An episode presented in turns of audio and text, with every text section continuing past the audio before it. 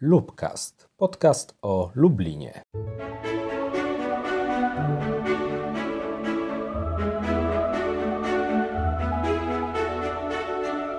Dzień dobry albo dobry wieczór. Ja nazywam się Jacek Skałecki i zapraszam na pierwsze w tym roku wydanie Lubcastu na skróty.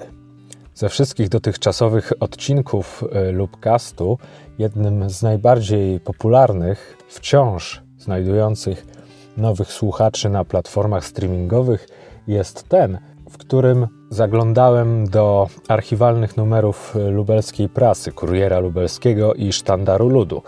Dlatego też postanowiłem ponownie sięgnąć po stare gazety z Lublina. Tym razem przenieśmy się do roku 1969, ale nie skupię się tutaj na pierwszych stronach, bo te w tamtym okresie donosiły głównie o działaniach wojennych w Wietnamie, a jako że współcześnie doniesień wojennych mamy pod dostatkiem, to zajrzałem na dalsze strony, które przynosiły w 1969 roku opisy problemów, z którymi Lublinianie i mieszkańcy innych miast musieli borykać się na co dzień.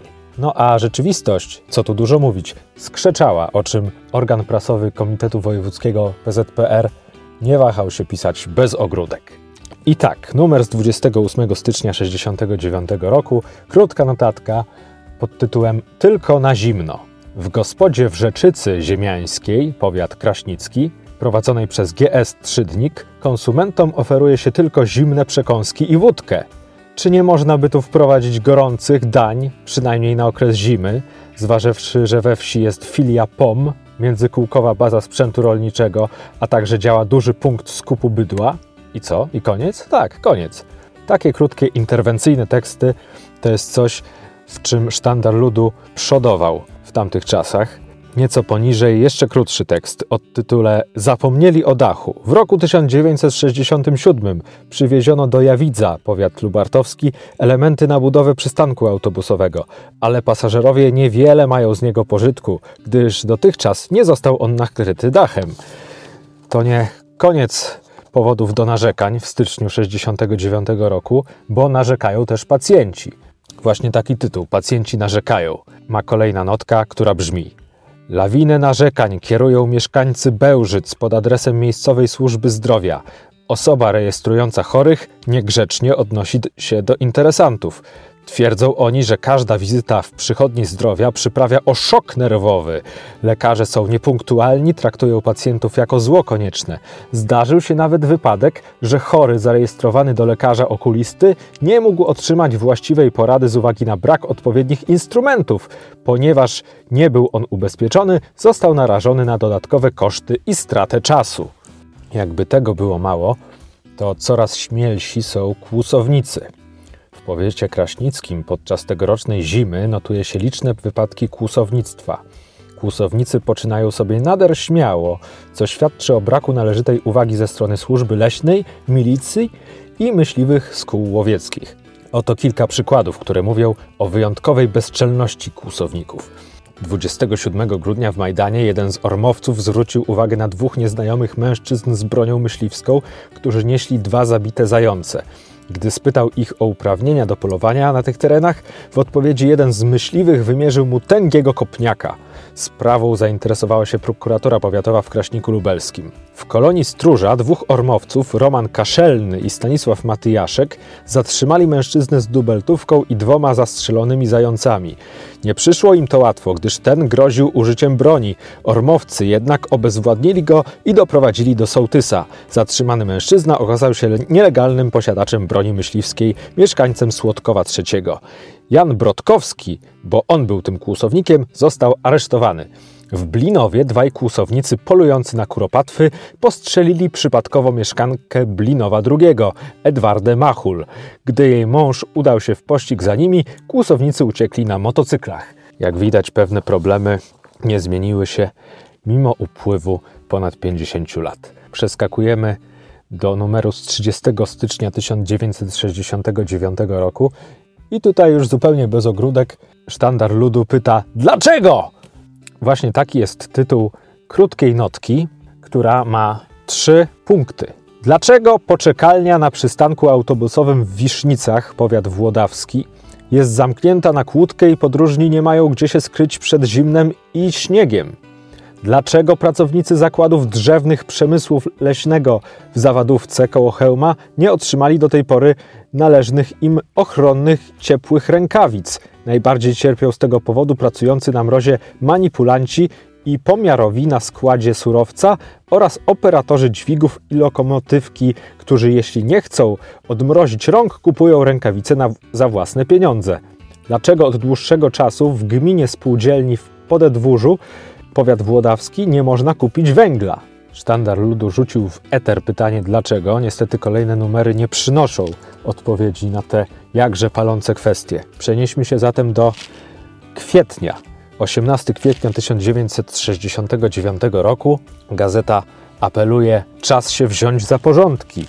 Na podwórku restauracji Przystań w Piaskach, należącej do miejscowej gminnej spółdzielni, niejednokrotnie trzeba chwytać się za nos. Znajdujące się tu bowiem szambo często bywa przepełnione, a wówczas różne pomyje z kuchennej restauracji i odpadki wylewane i wyrzucane są do podwórkowych rynsztoków. Teraz to jeszcze pół biedy, lecz gdy zacznie operować letnie słońce, efekty zapachowe mogą przyprawić o mdłości. Nasuwa się więc postulat pod adresem zarządu GS, by zatroszczył się wreszcie o regularne opróżnienie szamba. I drugi zarzut. GS jest niby opiekunem skwerku obok restauracji Przystań. Piszemy niby, bo marny z niej opiekun.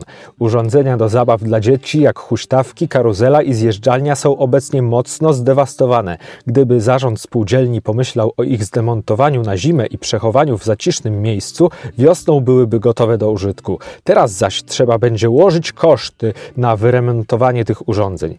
Poza tym skwerek jest strasznie zaśmiecony, ale to już chyba nie tylko sprawa GS, lecz i miejscowego zakładu gospodarki komunalnej. I kolejny palący problem, tym razem z numeru z 27 czerwca 1969 roku, rowki na drogach. Każdej wiosny gospodarze z gromady Urszulin w powiecie włodawskim osuszają podmokłe pola. W tym celu przekopują przez ścieżki i gościńce płytkie rowy. Później zapominają je zasypać ziemią. Zapominają, choć na jednej z sesji GRN drogomistrz Konstanty Zaorski gorąco apelował do sołtysów, aby dopilnowali likwidacji tych pułapek. Ostatnio jeden z listonoszy UPT w Urszulinie, jadąc rowerem, wpadł w niepokaźny rowek, złamał widelec i podrapał sobie twarz. Listonosze Stanisław Iwaniuk, Lucjan Dębicki i Stanisław Werner proszą o interwencję. Zapyta ktoś, czy sztandar ludu z 69 roku przynosił jakieś pozytywne informacje. Spieszę z odpowiedzią. Owszem, tak. 30 czerwca odbyły się wybory do Rad Narodowych. Trzy dni wcześniej gazeta przedstawiła kandydatów, których popiera. Mamy tutaj zupełnie niespotykaną w dzisiejszych czasach formę promocji kandydata do gremium politycznego. Pod zdjęciem sylwetka kandydata, która rozpoczyna się w ten sposób. Drobna, szczupła sylwetka, energiczne ruchy młodego człowieka. Tylko poorana zmarszczkami twarz mówi o wieku Jana Pietrasa, który prowadzi czteroklasową szkołę w Dąbiu już 50 lat. Społecznik z powołania, pedagog z zawodu kandyduje na radnego do Powiatowej Rady Narodowej nie po raz pierwszy. Z małymi przerwami jest członkiem społecznego samorządu od roku 1956, kiedy reaktywowano powiat janowski. Później następuje wyliczenie jego zasług, natomiast trudno oprzeć się wrażeniu, że i dzisiaj poorana z marszczkami twarz jest dla wielu osób jednym z kryteriów, którym kierują się podczas głosowania. No i na koniec coś zupełnie optymistycznego. Wracamy do numeru z 30 stycznia. Wzorowy bibliotekarz z Wilkowa. Biblioteka w Wilkowie, powiat opolski, należy pod względem lokalowym do najuboższych placówek tego typu. Księgozbiór mieści się w starej chałupie na skraju wsi. W tej sytuacji trudno rozwijać pracę oświatową na miejscu, zwłaszcza, że w chacie panuje dotkliwy chłód. Mimo tych bardzo niekorzystnych warunków czytelnictwo w Wilkowie rozwija się pomyślnie. Jest to zasługa miejscowego bibliotekarza Edwarda Rusinowicza, który włożył wiele wysiłku w popularyzację książek wśród mieszkańców wsi i okolic.